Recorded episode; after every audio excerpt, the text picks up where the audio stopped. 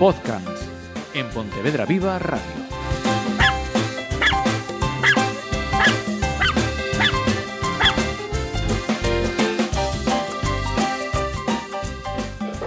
Hola, saludos. Mm, Retomamos estos eh, podcasts eh, que los habéis echado en, en falta, pues porque nos ha cuadrado la Semana Santa, porque Diego estuvo ahí un poco pachucho, pero ya estamos aquí de nuevo. Eh, está a mi lado, pues la, la pata, entre comillas, fundamental de este, de este programa, Diego Álvarez, nuestro adiestrador canino. Bienvenido, ¿todo bien? Todo bien, todo bien, recuperándonos.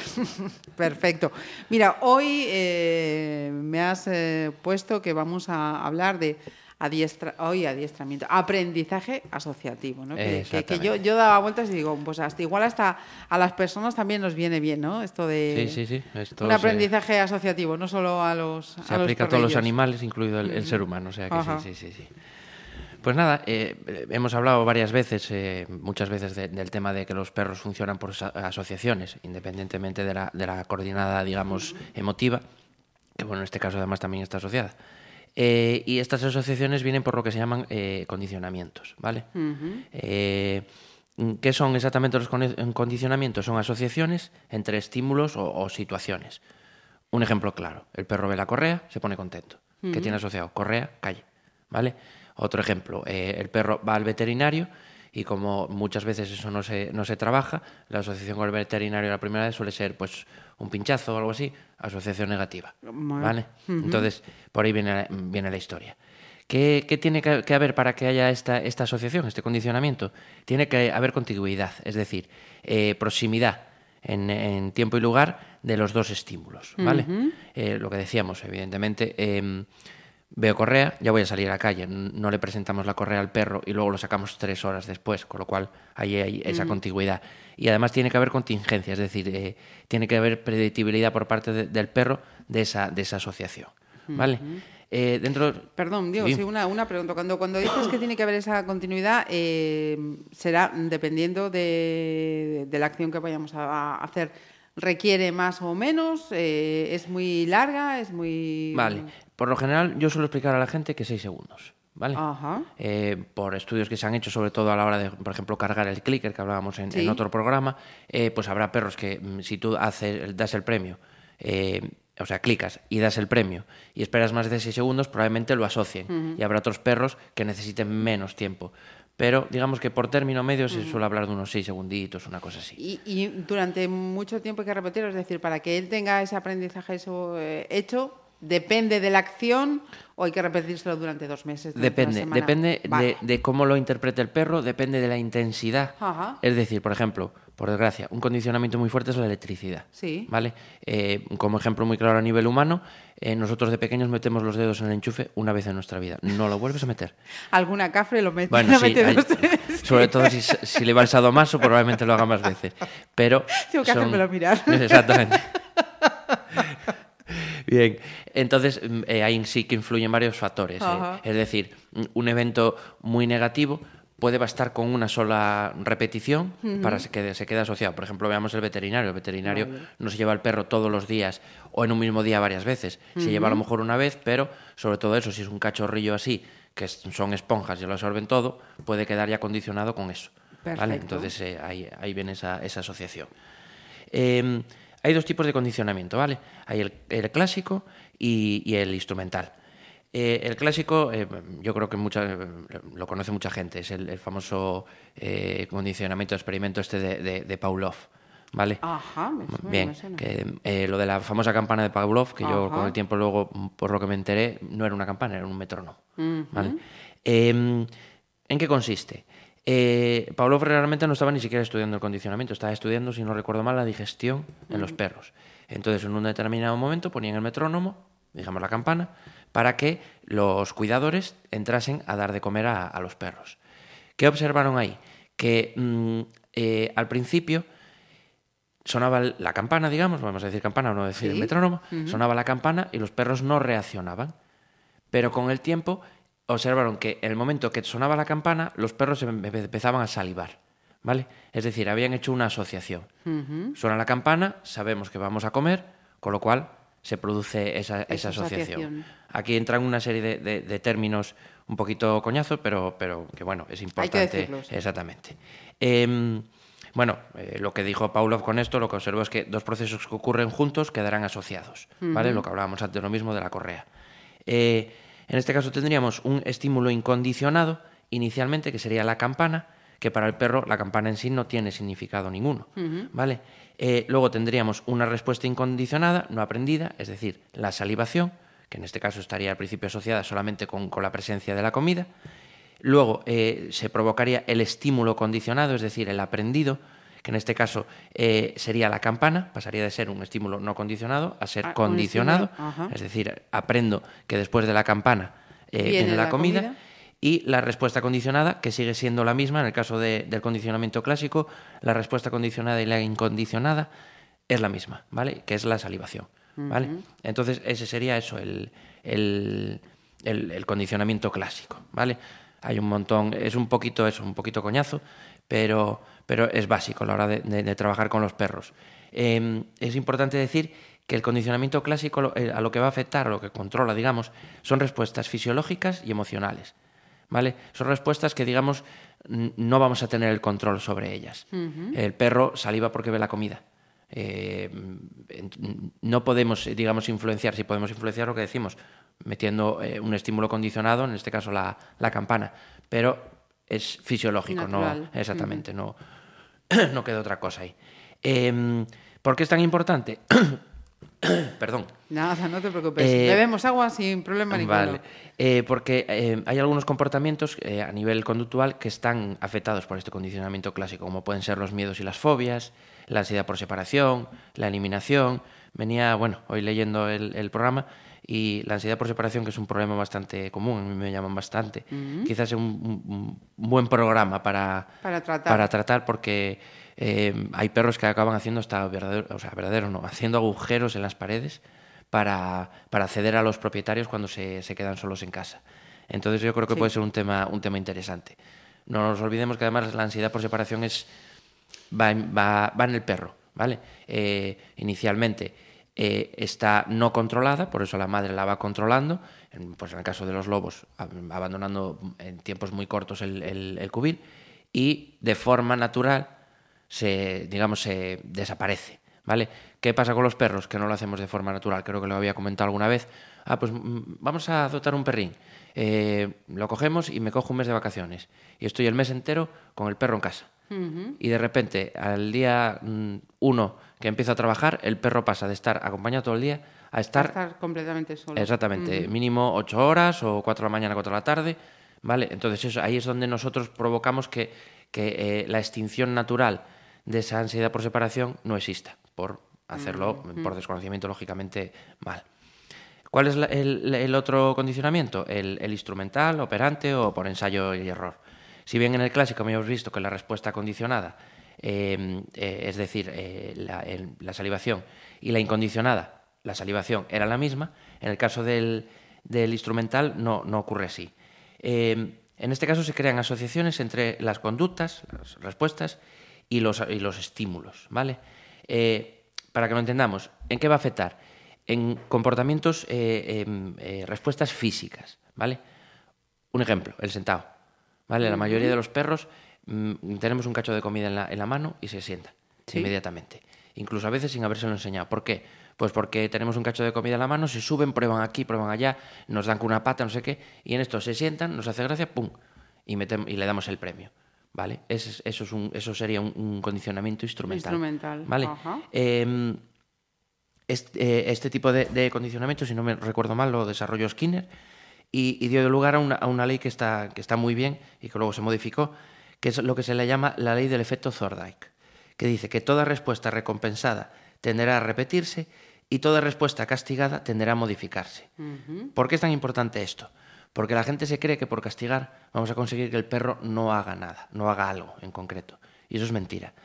Mm, Posteriormente se sacó la ley truncada del efecto Thorndike, que dice que todo comportamiento, toda respuesta recompensada tenderá a repetirse y toda respuesta castigada tenderá a modificarse, no a extinguirse. ¿Vale? Ajá. Eso es, eso es lo, lo- lo importante. La diferencia entre uno y Exactamente. ¿Qué quiero decir con eso? Imaginemos que yo quiero que mi perro no, no robe comida de encima de la mesa. Y cuando roba comida de la mesa, soy un de sustancia, cojo, le meto un, un al perro. Vale. Eh, ¿El perro va a dejar de, comer- de coger comida de la mesa? No. ¿Qué va a hacer? Va a modificar su conducta y lo que va a hacer es coger comida de la mesa cuando yo no esté. Ajá. Esto mismo pasa también con los perros que, que eliminan en casa, que todavía o, o- o no, han aten- no han tenido un proceso de aprendizaje para eliminar fuera, o son cachorrillos. Y se les tiende a reñir, a hacer esta barbaridad que hace mucha gente de coger el hocico y metérselo en el pis, este tipo de chorradas. ¿Qué conseguimos? Que el perro elimine cuando no lo veamos. Se esconden detrás del sofá, se van a, a otra habitación, y eso no nos interesa para nada, porque muchas veces orinan donde no los vemos y hasta unos días Sí. después que aquello huele que apesta, No nos damos no nos cuenta. damos cuenta. Entonces, mm, eh, es fundamental eso lo que digo. Eh, no solo el castigo no mm, es, eh, o sea, mm, para mí es contra natura, no tiene sentido castigar, eh, sino que además es que lo que vamos a hacer es derivar en otra conducta.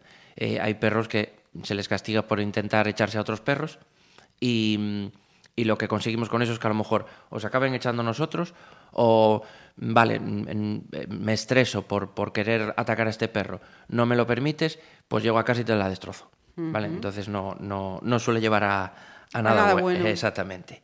Y mm, en referencia con todo esto, hemos hablado muchas veces de lo, lo que hablábamos de refuerzo positivo, refuerzo negativo, Sí. castigo positivo, castigo negativo, y es el, el momento de- de explicarlo.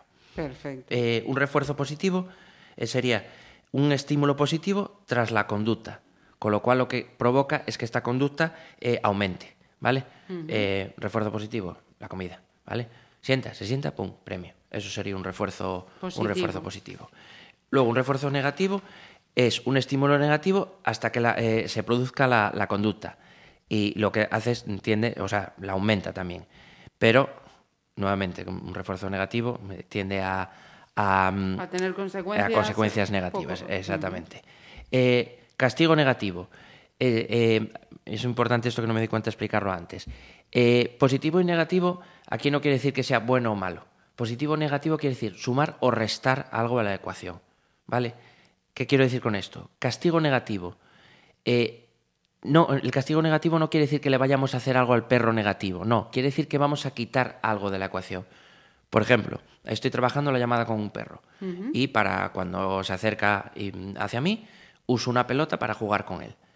Yo llamo a mi perro. Mi perro no viene, cojo la pelota y la guardo en el bolsillo. Eso es un castigo negativo. Le he quitado al perro algo Ajá. que le gusta por no hacer algo que ya le he explicado, lógicamente, mm, previamente, y, y no lo hace, con lo cual hay un castigo, ¿vale? Es decir, eh, ¿has hecho los deberes? Al niño, lógicamente no va a ser el perro el que, el que va a hacer los deberes. El niño, no, te quito la, la Xbox. Castigo negativo, Vale. ¿vale? Eh, castigo positivo es adicionar algo a la ecuación. Eh, ¿Haces esto mal? Te cae un guantazo.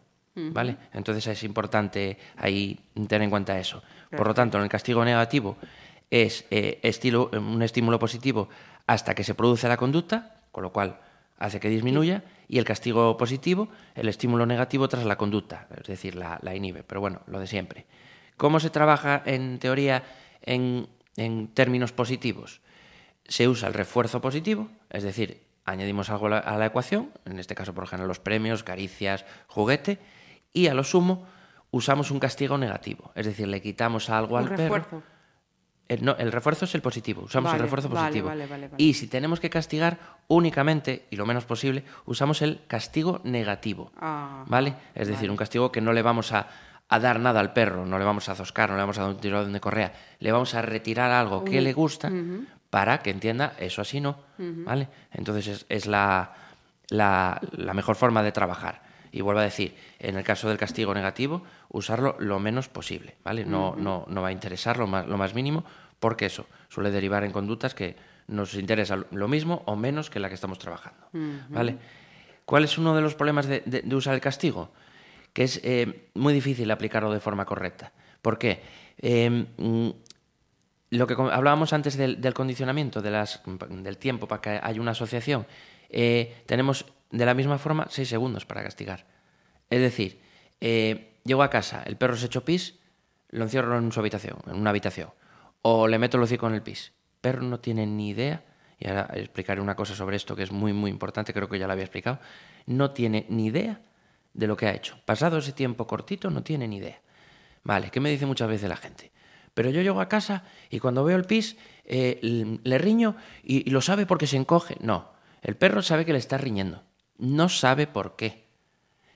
Pero por eso se encoge, porque le está riñendo. Es decir, eh, yo puedo entrar en casa que Bella no haya hecho absolutamente nada malo y por el tono de voz que la perra eche las orejas para atrás, se acurruque y diga, madre de Dios, lo que me está algo cayendo. pasa. Exactamente, pero sin saber qué es lo que pasa. Y hay gente que me dice, pero hay también veces que entro en casa y sin haber visto el pis, por su actitud, eh, ya sé que hizo pis. Sí, nuevamente, porque ha habido un condicionamiento.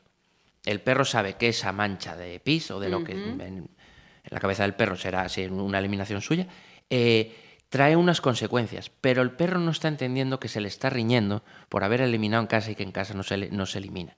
¿vale? Eh, y aquí siempre digo lo mismo. Llevar la contraria en esto, es decir, dar capacidades cognitivas al perro superiores a las que tiene, es llevar a la contraria a Iván Pavlov y a Skinner.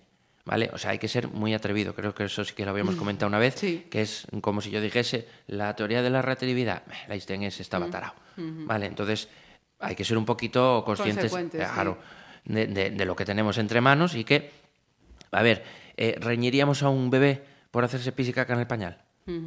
Pues entonces exactamente lo mismo. La capacidad cognitiva del, del- del bebé va aumentando, entonces sí que evidentemente si el niño está sentado jugando a la consola y se mea encima porque le dio la gana, le caerá una bronca, pero el perro toda su vida va a ser así, no, va a ser- no va a tener esa conciencia. ¿vale? Y volvemos a lo mismo de perros. El otro día aún escuchaba yo a un chico que estaba hablando con una señora y le decía, no, sí, claro, porque si te toca un perro malo, y dale, no existen ni los perros malos ni los perros buenos, los perros son perros no tienen conciencia ni de la bondad ni de la maldad. ¿Vale? Y lo- creo que también lo dije alguna vez. Es como decir que mi perro me ama. No, el perro es social. Amar implica una capacidad de abstracción que el perro no tiene. ¿Vale? Igual que no odian.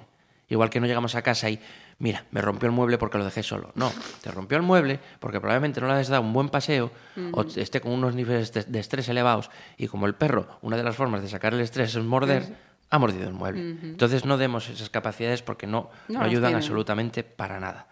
Eh, a mayores que provoca el cas- el castigo eh, afecta al bienestar animal. O sea, mm, sea un, creo que lo tengo también comentado muchas veces, sea un simple no, sea darle, por desgracia, una mano de guantazos al perro, no le estamos haciendo ningún, ningún favor.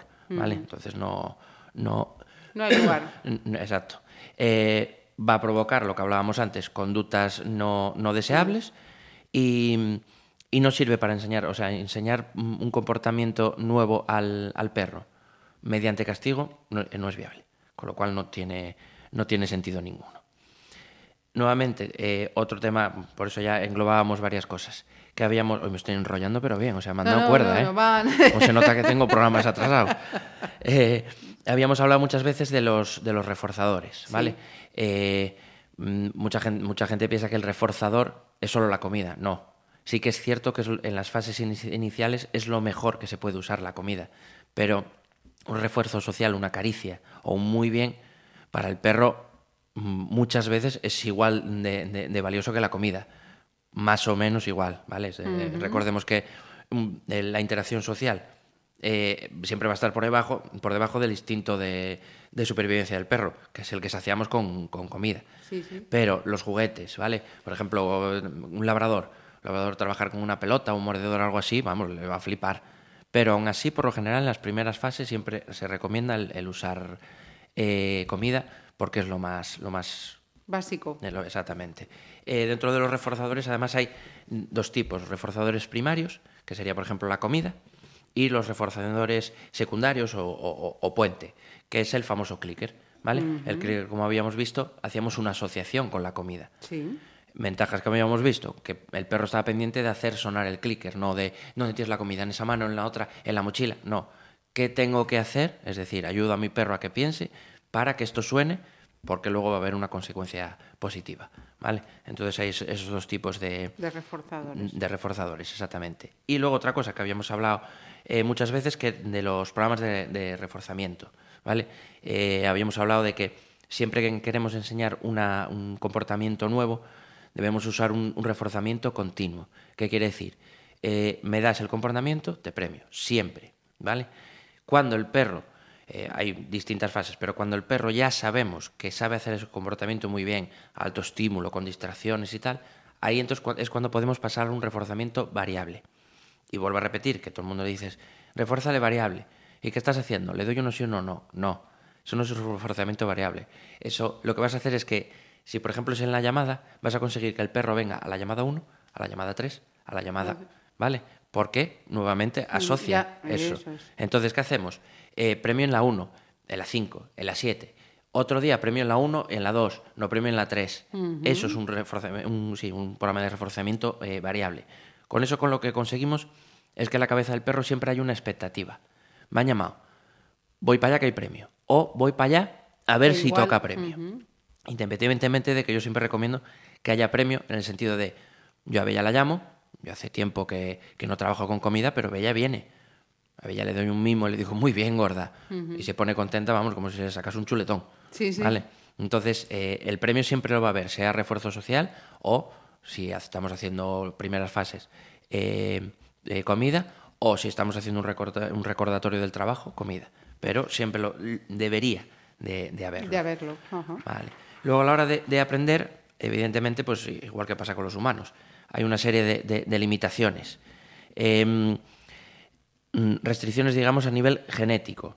Eh, no nos engañemos, hay perros más listos y hay perros más tontos. Hay humanos más listos, hay humanos más tontos, ¿vale? Entonces, esto, esto es así. Eh, hace años em, se había hecho un estudio, no sé si lo habíamos comentado, de los perros más listos y los perros ma- menos listos, vamos a decir, para no llamarlos tontos, que nadie se No, sienta ofendido. No recuerdo, pero... Pues eh, se vio que el perro más espabilado, y de hecho yo he trabajado con algunos y son máquinas, es el, el border collie. Ah. ¿Vale? Y el menos espabilado, el galgo afgano. ¿Vale? Que es como el galgo, pero el que tiene el pelo así muy largo. Eh, creo que luego estaba arriba también el caniche, quiero recordar, y tal. Caniche. Sí, los canichos son muy inteligentes. Son, no sé si era el tercero, el segundo o el tercero creo que era. Entonces, a nivel genético influye. Igual pasa con los mestizos, pues evidentemente, eh, lo que hablábamos, eh, creo que eso sí le habíamos comentado, la probabilidad de que el hijo de Usain Bolt sea rápido, por factor genético, quiera que no. Lleva unos cuantos números en Exactamente, exactamente. Eh, y luego limitaciones, digamos, a, eh, eh, por, a nivel a- ambiental, ¿vale? A la- A la hora de- del aprendizaje. Eh, los instintos, ¿vale? Los instintos nos van a, a influir. Eh, un perro, por ejemplo, un, un beagle, que tiene un instinto de, de rastro brutal. ya habíamos hablado de esto de la caza y tal, que estaba, esto tenía diferentes fases.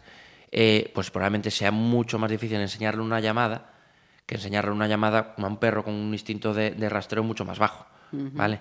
Entonces, evidentemente, lo potenciado que estén los instintos va, va a influir a la hora de- del aprendizaje. Em, la alimentación, fundamental. Eh, tenía ganas de hacer un programa de, de- de- de alimentación, pero es que es un tema complicado. Ya veremos. Igual traemos algún día los de AECAM otra vez, Ajá, que como están de acuerdo genial. conmigo en la alimentación natural. Eh, luego, el- el- todo lo que haya vivido eh, en, en el periodo crítico de socialización, que hablamos muchas veces de él, también le va a influir un montón. Si, si hemos manipulado mal al perro, si el perro eh, ha sufrido castigos y tal, evidentemente va a ser un perro tímido. Un perro tímido igual que una persona tímida. El aprendizaje le va a costar mucho más, no va a ser intrépido y tal, entonces es, es normal. Lógicamente, enfermedades. Si un perro está enfermo, yo siempre se lo digo a la gente. Si mm, nos toca sesión hoy, eh, mira que estuvo con diarrea y tal, no trabajamos, ¿vale? El perro no, no, No va a estar bien. todas Exactamente, es como prepararte el examen si estás con gripe. Va a ser que no, Sí, no te sí. va a dar el cuerpo. Y luego el, el estado de, de ánimo del perro, ¿vale? El, el nivel de ansiedad, si, lo que hablábamos, si es un perro tímido, inseguro, eso también va a influir mucho en, a la hora de, aprender. Y básicamente es esto, menos mal, porque si te digo a traer más folios, yo sigo, ¿eh? Jesús. Bueno, pues eh, vais tomando nota. Si ahora al escuchar todavía os habéis perdido algo, eh, ya sabéis que la información que acompaña cada, cada podcast eh, lo podéis supervisar. Además del tema que cada semana nos trae Diego, también cada podcast nos trae una frase. Exactamente. La ¿A quién frase. vamos a recordar hoy? Hoy, hoy ah, mm, eh, no sé si alguna vez habíamos usado algún español. Hoy toca un español, Pablo Picasso, Ajá. que dice que siempre estoy haciendo lo que no puedo hacer para poder aprender cómo hacerlo. Me parece muy, muy buena porque mm, mm, yo creo que muchas veces a los perros y, y- y nosotros mismos nos autolimitamos. eh, uno de los ejercicios que habíamos hablado en lo del tema del olfato es el, era el busca, el famoso busca, el lanzar Sí. premios y que el perro busque. La gente se desespera un montón y le acaba marcando con la mano y con el pie donde está el premio, cuando realmente el perro el olfato lo tiene que adiestrar igual que otras cosas. Y los vas viendo de que tiras cinco cachos a lo mejor el primer día tardan cinco minutos y a lo mejor al cabo de una semana en un minuto ya han encontrado los cinco. Entonces eh, tenemos que favorecer que los perros también eh, Tengan esas fases y vayan y poco a poco el- y que además se interesen en querer aprender, ¿vale? En ese sentido es lo mismo que hablamos antes del border collie. Te pones a trabajar con un border collie con, con clicker y eso es, es un espectáculo, es una pasada. Y luego el libro, Ajá, recomendación bibliográfica para esta correcto. vez. No recuerdo muy bien si este ya lo había puesto o no, pero es que me parece muy bueno tanto el Pues tío... insistimos. Exactamente. Que es James O'Hear, que me parece, vamos, eh, a mí es de los, quizás con Santi Vidal, de los que más me, me gustan. Y que es Ciencia y Técnica del Adiestramiento Canino. Es potentillo, ¿vale? Es Ajá. gordo, eh, letra pequeña y terminología que le llega de caray. Sí, sí. ¿Vale? Una cosa que suele hacer eh, James, porque me voy a tomar copas con él todos los días, es que De suele... hecho, iba a venir, pero no- Sí, no ha llegado a tiempo. Exacto, no le llegó el avión. Es eh, meter un resumen en cada Sí. capítulo al final, que está muy, Ajá, muy, muy, sí. muy bien. Lo tiene, Reforzar lo hemos exactamente. Mm, Yo tengo varios de él, tengo el de ansiedad por separación, tengo este, y en todos mete un, un resumencillo al final que está muy, muy, muy bien. Ajá. Y vamos a completar con la adopción. eh, estamos en el momento este de grabación. Bueno, dilo, dilo tú. Teníamos un animal preparado, pero ¿qué ha pasado? Exacto, sí. Pues que ha tenido suerte y, y justo, nada, o sea, en, en- en estos días le salió un adoptante, con lo cual eh, no, no lo vamos a, a- a Ajá. publicitar, digamos. Intentaré eh, buscar otro para que quede en, la parte escrita del, del- del podcast. Ajá. Y, y, bueno, alegría. Ojalá cada vez que viniese aquí a hablar de un perrín que está en adopción, esto. pasase esto. Sí, señor. Sí, señor. Y luego lo de siempre, el correo electrónico. Eso es. Recordamos. Eh, podcast arroba gmail.com. Y otra cosita más que todavía no lo hemos dicho, que estamos también eh, en iVox, en la plataforma iVox, eh, con lo cual si entráis en, o tecleáis eh, Pontevedra Viva Radio iVox, ya ahí vais a encontrar nuestra, nuestra página con todos los programas eh, también, que por cierto, lo decía porque me estoy acordando que en el caso de, de podcasts, en este poquito, poquito tiempo que llevamos presentes en esta plataforma, está, está mostrando interés por la, por la gente. Así que, chapó, muchas gracias. Gracias a vosotros, como siempre. Y seguimos con ello, Diego, muchas gracias. Venga.